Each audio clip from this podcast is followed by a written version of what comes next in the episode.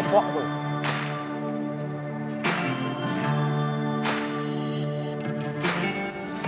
Saya Suparno Jumar, biasa dipanggil Pak D.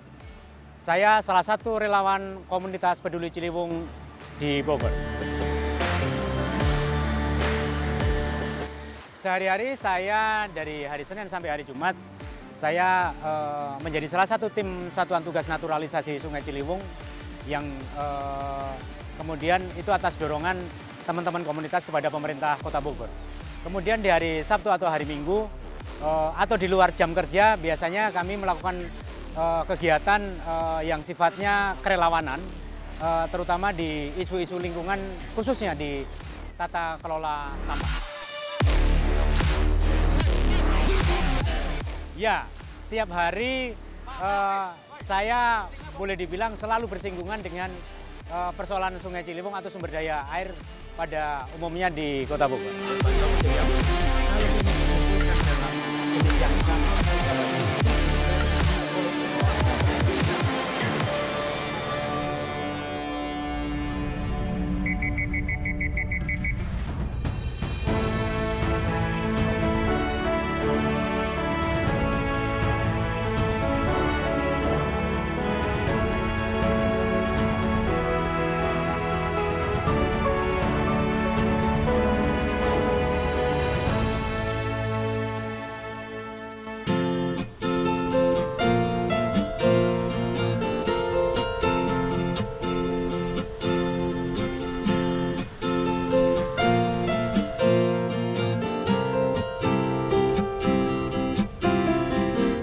Suparno Jumar menghabiskan kesehariannya di Sungai Ciliwung. Ia merupakan salah satu relawan komunitas peduli Ciliwung yang menaruh perhatian terhadap tata kelola sampah di badan dan bantaran Sungai Ciliwung, khususnya yang terletak di Kota Bogor, Jawa Barat. Setiap hari, pria berusia separuh abad ini memunguti sampah yang ada di hulu Sungai Ciliwung Kegiatan ini mulai ia lakukan sejak pertengahan 2019 silam karena khawatir terhadap pencemaran Sungai Ciliwung.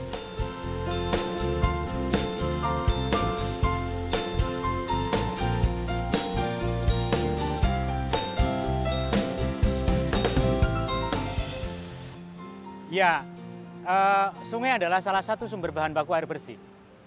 Selain uh, setu, danau, kemudian juga waduk ketika uh, beberapa sumber bahan baku air bersih dalam hal ini sungai, ketika tercemar, proses memproduksi uh, bahan baku air bersih itu akan menjadi sulit, akan menjadi mahal.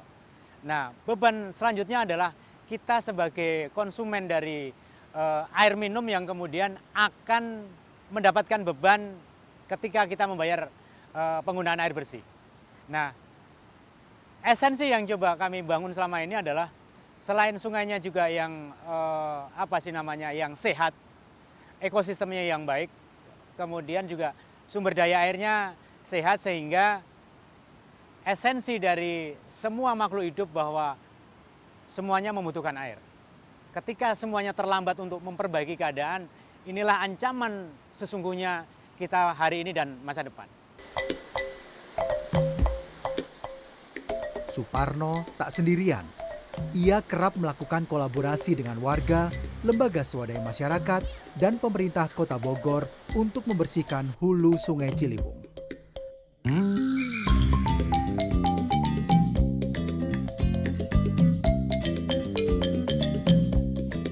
Seperti hari ini, Suparno bersama Satgas Naturalisasi Ciliwung, komunitas sepeda, komunitas peduli Ciliwung, dan LSM Ekoton atau Ecological Observation and Wetland Conservation melakukan audit brand sampah plastik yang tersebar di Sungai Ciliwung.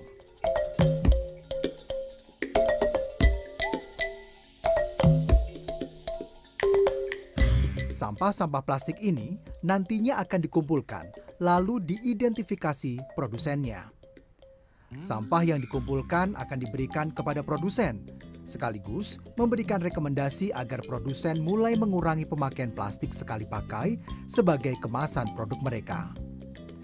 Tak ketinggalan, sosialisasi kepada masyarakat untuk mengurangi kemasan sase dan segera beralih ke kemasan isi ulang.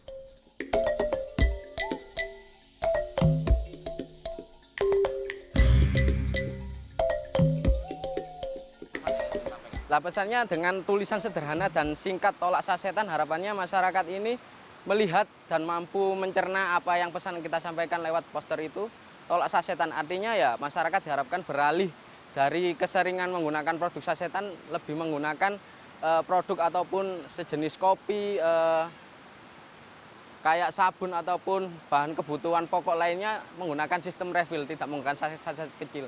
Jadi harapannya masyarakat eh, setelah melihat poster yang kita bentangkan atau melihat uh, kegiatan kita harapannya masyarakat bisa berubah uh, untuk tidak lagi menggunakan banyak sasetan di kehidupan sehari-hari seperti itu. Ya, rumah tangga. Yang paling sering berkolaborasi dengan Suparno adalah tim Satgas Naturalisasi Sungai Ciliwung, Kota Bogor. Dengan keterbatasan sumber daya manusia, kehadiran relawan seperti Suparno sangat membantu upaya menjaga Sungai Ciliwung dari gempuran sampah.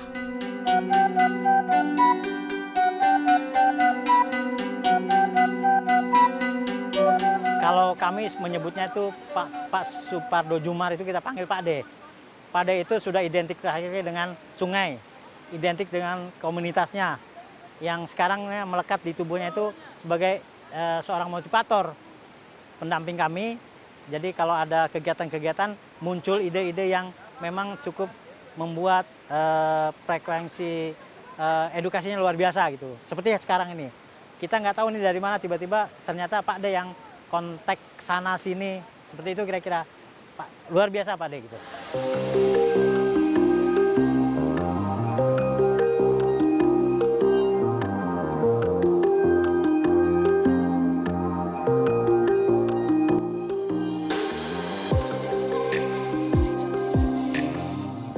Sungai Ciliwung memiliki panjang sekitar 119 km. Terbentang melintasi dua provinsi di bagian barat Pulau Jawa.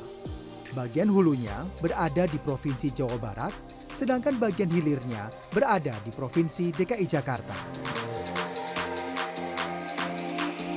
Sungai ini sudah ada sejak zaman kolonial Belanda. Kini, tak sedikit warga Bogor, Depok, dan Jakarta yang tinggal di bantaran Sungai Ciliwung.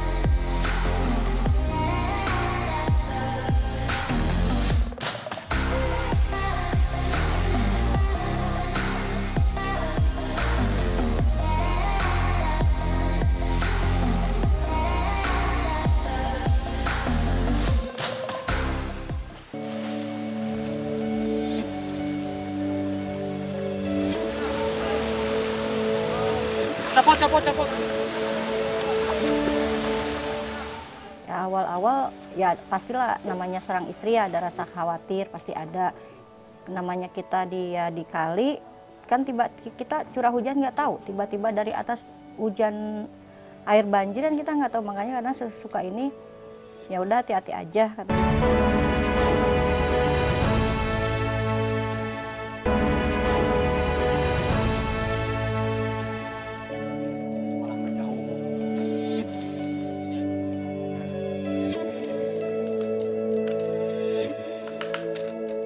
Suparno lahir dan besar di Purworejo, Jawa Tengah. Ketertarikan Suparno terhadap sungai sudah ada sejak ia masih kecil. Ia mulai merantau ke Jakarta usai menamatkan pendidikan SMA pada 1995. Ia sempat bekerja sebagai karyawan swasta di beberapa perusahaan yang terdapat di ibu kota. Namun, sejak 2018, ayah empat orang anak ini memilih berhenti dari pekerjaan regulernya dan mulai mendedikasikan dirinya sebagai relawan peduli Sungai Ciliwung. Sebelumnya, ia menafkahi keluarganya dari pendapatan tetap per bulan yang ia dapatkan dari perusahaan tempatnya bekerja. Namun kini, dengan statusnya sebagai relawan, pendapatannya tidak tetap.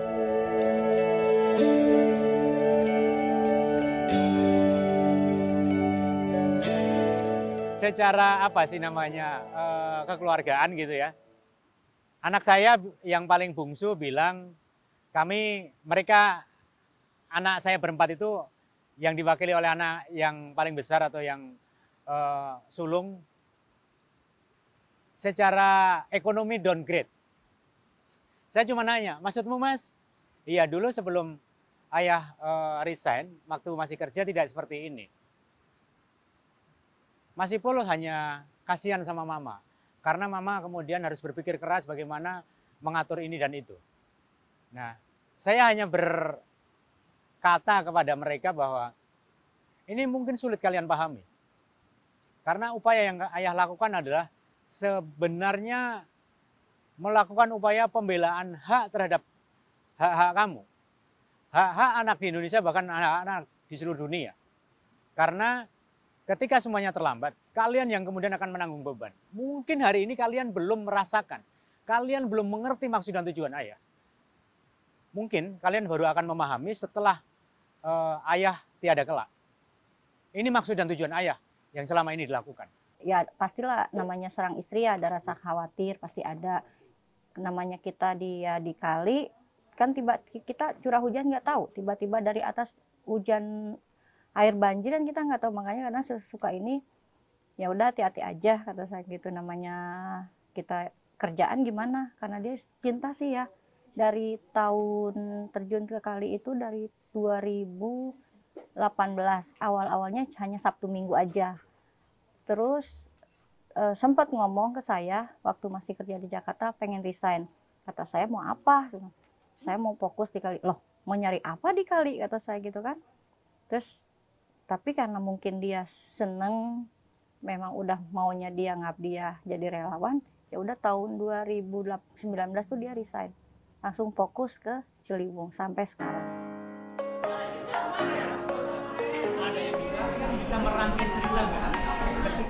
Suparno juga kerap melakukan sosialisasi dan penyuluhan kepada masyarakat tentang pentingnya menjaga lingkungan dengan cara memilah sampah rumah tangga. Tapi kalau ini misalnya kotor, kena minyak dan sebagainya, bisa berubah sifat. Kali ini, Suparno memberikan edukasi terhadap siswa-siswi di SMK Surya Kencana Yapis Kota Bogor. Hal yang disampaikan Suparno tergolong sederhana, yakni bagaimana agar generasi penerus sadar pentingnya menjaga lingkungan dengan cara memilah sampah rumah tangga sejak dari rumah masing-masing. Begitu lubang biopori juga sama. Suparno dan rekan juga mengajarkan cara membuat biopori atau lubang yang akan diisi sampah organik. Selain untuk mengurangi sampah organik, biopori juga menyuburkan tanah dan menjaga kadar air tanah. Suparno berharap masyarakat bisa mengurangi penumpukan sampah di tempat pembuangan dan berhenti membuang sampah ke sungai. Mendorong agar masyarakat sipilnya semakin cerdas, masyarakat sipilnya semakin aware, masyarakat sipilnya semakin smart, sehingga isu-isu lingkungan, khususnya sumber daya air, tata kelola sampah, pemanasan global, kemudian bencana hidrometeorologi, itu kita pahami, kemudian masyarakat uh, kemudian bersikap dengan arif dan bijaksana.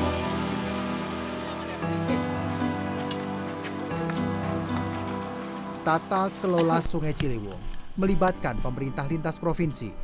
Suparno berkolaborasi dengan komunitas dan relawan Sungai Ciliwung lainnya untuk menyampaikan persoalan Sungai Ciliwung ke pemerintah yang daerahnya bersinggungan dengan Sungai Ciliwung seperti Kabupaten Bogor, Kota Depok, dan Provinsi DKI Jakarta. Dan secara infrastruktur, pemerintah bersama stakeholder yang lain mempersiapkan infrastruktur yang mencukupi agar sampah yang kemudian sudah dikelola, mana yang bisa diolah di situ, mana yang tidak. Kemudian juga ada infrastruktur-infrastruktur pendukung yang bisa menyelesaikan sampah-sampah yang kemudian dihasilkan. Sampah plastik, sampah kain, bahkan sampai residu. Jadi jangan sampai sampah-sampah itu eh, katakanlah dibuang di alam bebas, kemudian juga ke sungai, atau ditam, ditumpuk begitu saja di tempat pembuangan akhir sampah.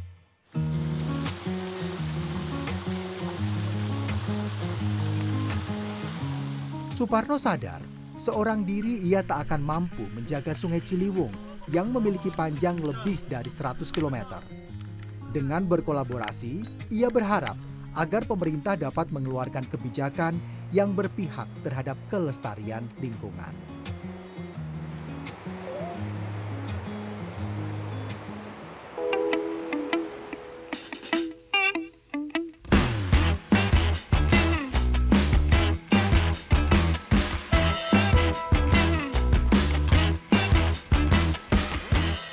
Melewati arus yang seperti itu, kemudian saya hidung saya kemasukan air.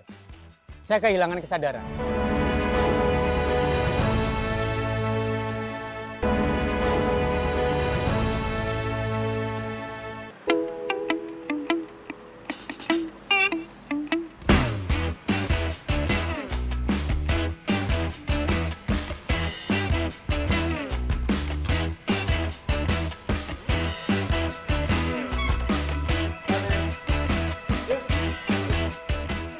Usianya yang tak lagi muda, setiap harinya Suparno berkeliling kota menggunakan sepeda.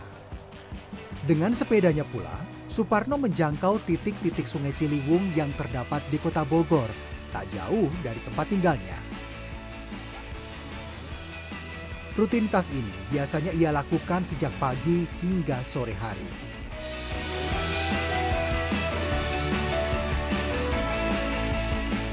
Semenjak ia menjadi relawan peduli Ciliwung, Suparno telah empat kali menyusuri sungai Ciliwung dari hulu ke hilir, dari Bogor hingga Jakarta. Ia sempat dua kali nyaris kehilangan nyawanya ketika menyusuri badan sungai Ciliwung. Namun, kecintaannya terhadap sungai membuatnya tak mengenal rasa jerah untuk tetap mendedikasikan diri menjaga sungai Ciliwung. Ini kalau udah mager. Jadi ini di tengah uh, pinggir sungai. Ini ada di agak pusaran gitu dengan latar belakang pohon loa itu. Kemudian ya udah istirahat aja di sini sambil muter-muter aja udah. Sampai betul-betul uh, udah ini muter aja udah di sini nih. Tuh ada Bang Ipul juga lagi muter-muter juga. tuh.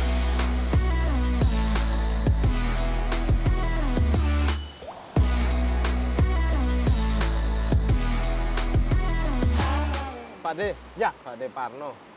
Sampai kapan sih Pak mau terus-terusan ke sungai ini? karena ini seperti main-main. Eh, ya sampai ujung permainan ini selesai. Artinya ya mudah-mudahan upaya yang saya lakukan bersama teman-teman, upaya yang kami lakukan istiqomah. Karena eh, melakukan sebuah perubahan itu nggak mungkin dilakukan hanya sekejap eh, apa namanya hit and run, tapi memang harus dilakukan terus-menerus. Ketika katakanlah nih upaya dari sisi kami yang usianya sudah kolonial sudah memang sudah tidak memungkinkan lagi. Harapannya memang kemudian ada eh, orang-orang muda yang kemudian melanjutkan. Supaya proses eh, yang kemudian dilakukan itu tidak dari nol lagi. Tapi katakanlah se- sebuah proses perjalanan katakanlah kami sudah sampai lima langkah atau 10 langkah nah yang melanjutkan adalah di titik terakhir itu kemudian dilanjutkan lagi Tapi Pak, eh, buat Pak De Parno nih yang menghabiskan keseharian di Sungai Ciliwung ini, kondisinya di detik ini seperti apa Pak? Eh, antara Sungai Ciliwung dengan sampah-sampahnya itu Pak yang paling berguna. Oke, jadi kalau berbicara sampah dan sungai, itu memang eh, terutama di aspek pengelolaan sungainya, itu tidak bisa secara parsial. Katakanlah kebijakan atau program eh, pemerintah itu harus nyambung. Pemerintah Kota Bogor sejak tahun 2018 bulan Oktober kemudian sudah ada tim yang secara khusus setiap hari bersama masyarakat yang tinggal di bantaran sungai. Mereka belajar bersama-sama menyelesaikan eh, masalah-masalah yang ada di bantaran sungai. Kemudian juga teman-teman Satgas melakukan upaya-upaya penanganan sampah yang katakanlah masuk di badan sungai. Nah, ini Kota Bogor.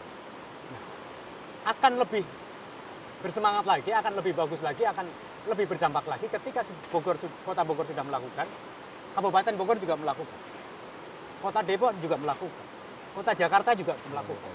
Artinya berbicara ini katakanlah ya, Kota Bogor lebih bersemangat saat ini.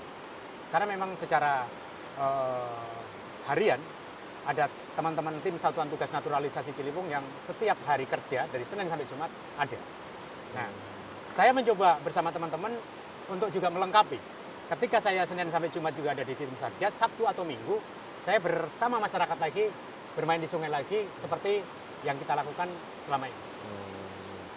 Pak De ada cerita nggak sih Pak De pengalaman yang paling berkesan atau yang apa ya yang paling ngena lah di Pak Dek selama nyusur sungai di Ciliwung ini? Ya, pertama adalah ini dari sisi safety, Hmm. keselamatan. Saya pernah melakukan hal konyol. Saya Apa tuh? ketika itu eh, body rafting gitu ya, pakai pelampung, pakai helm, pakai sepatu dan sebagainya. Saya sendirian. Nah, karena sendirian, kemudian saya melewati arus yang eh, seperti itu. Kemudian saya hidung saya kemasukan air. Saya kehilangan kesadaran. Setelah hidung kemasukan air, kemudian mulut saya juga kemasukan air. Nah, dari situ saya kemudian eh, apa sih namanya me- menelaah lebih lanjut lagi dan saya kemudian dapat eh, pesan dari teman-teman kalau kegiatan di badan sungai langsung atau di di sungai itu tidak boleh sendirian. Itu yang pertama. Yang kedua, saya bersyukur empat kali sudah sampai eh, pintu air Manggarai dari Bogor. Dari Bogor ke Manggarai? sampai Manggarai.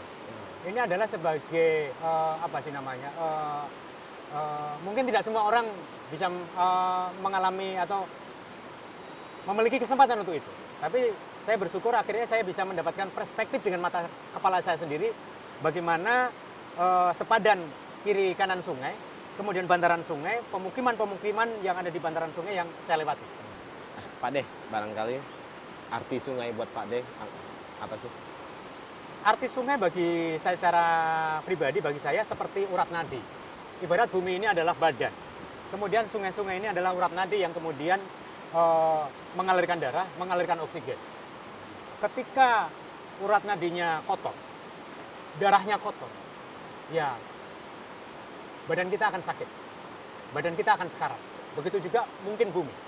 Ketika urat nadinya tercemar, urat nadinya kotor, mungkin juga bumi mengalami kesakitan yang sama seperti kita badan kita secara eh, apa metabolisme terganggu.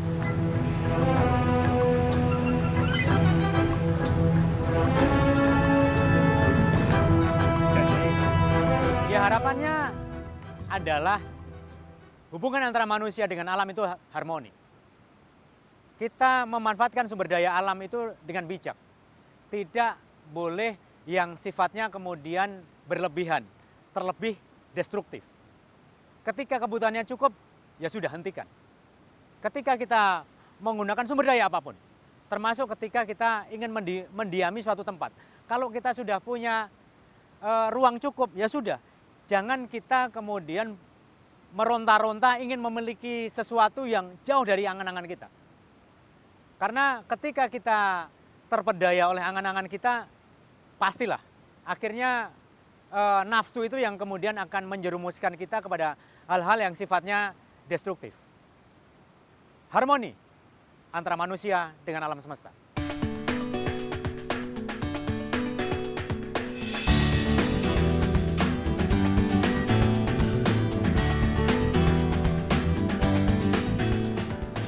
Harapannya sederhana. Ia hanya ingin manusia dan alam hidup harmonis.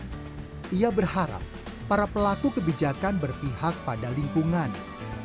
Ia juga berharap pemerintah sadar dan mau bersama-sama menjaga kelestarian alam.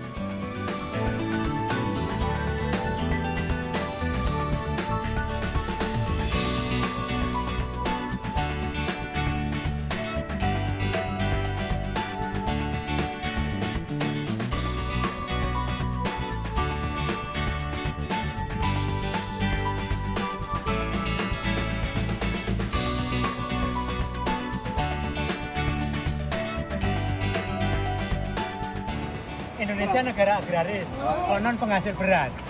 Tapi sekarang Indonesia menjadi negara industrialis. Yang hasilkan adalah industri plastik.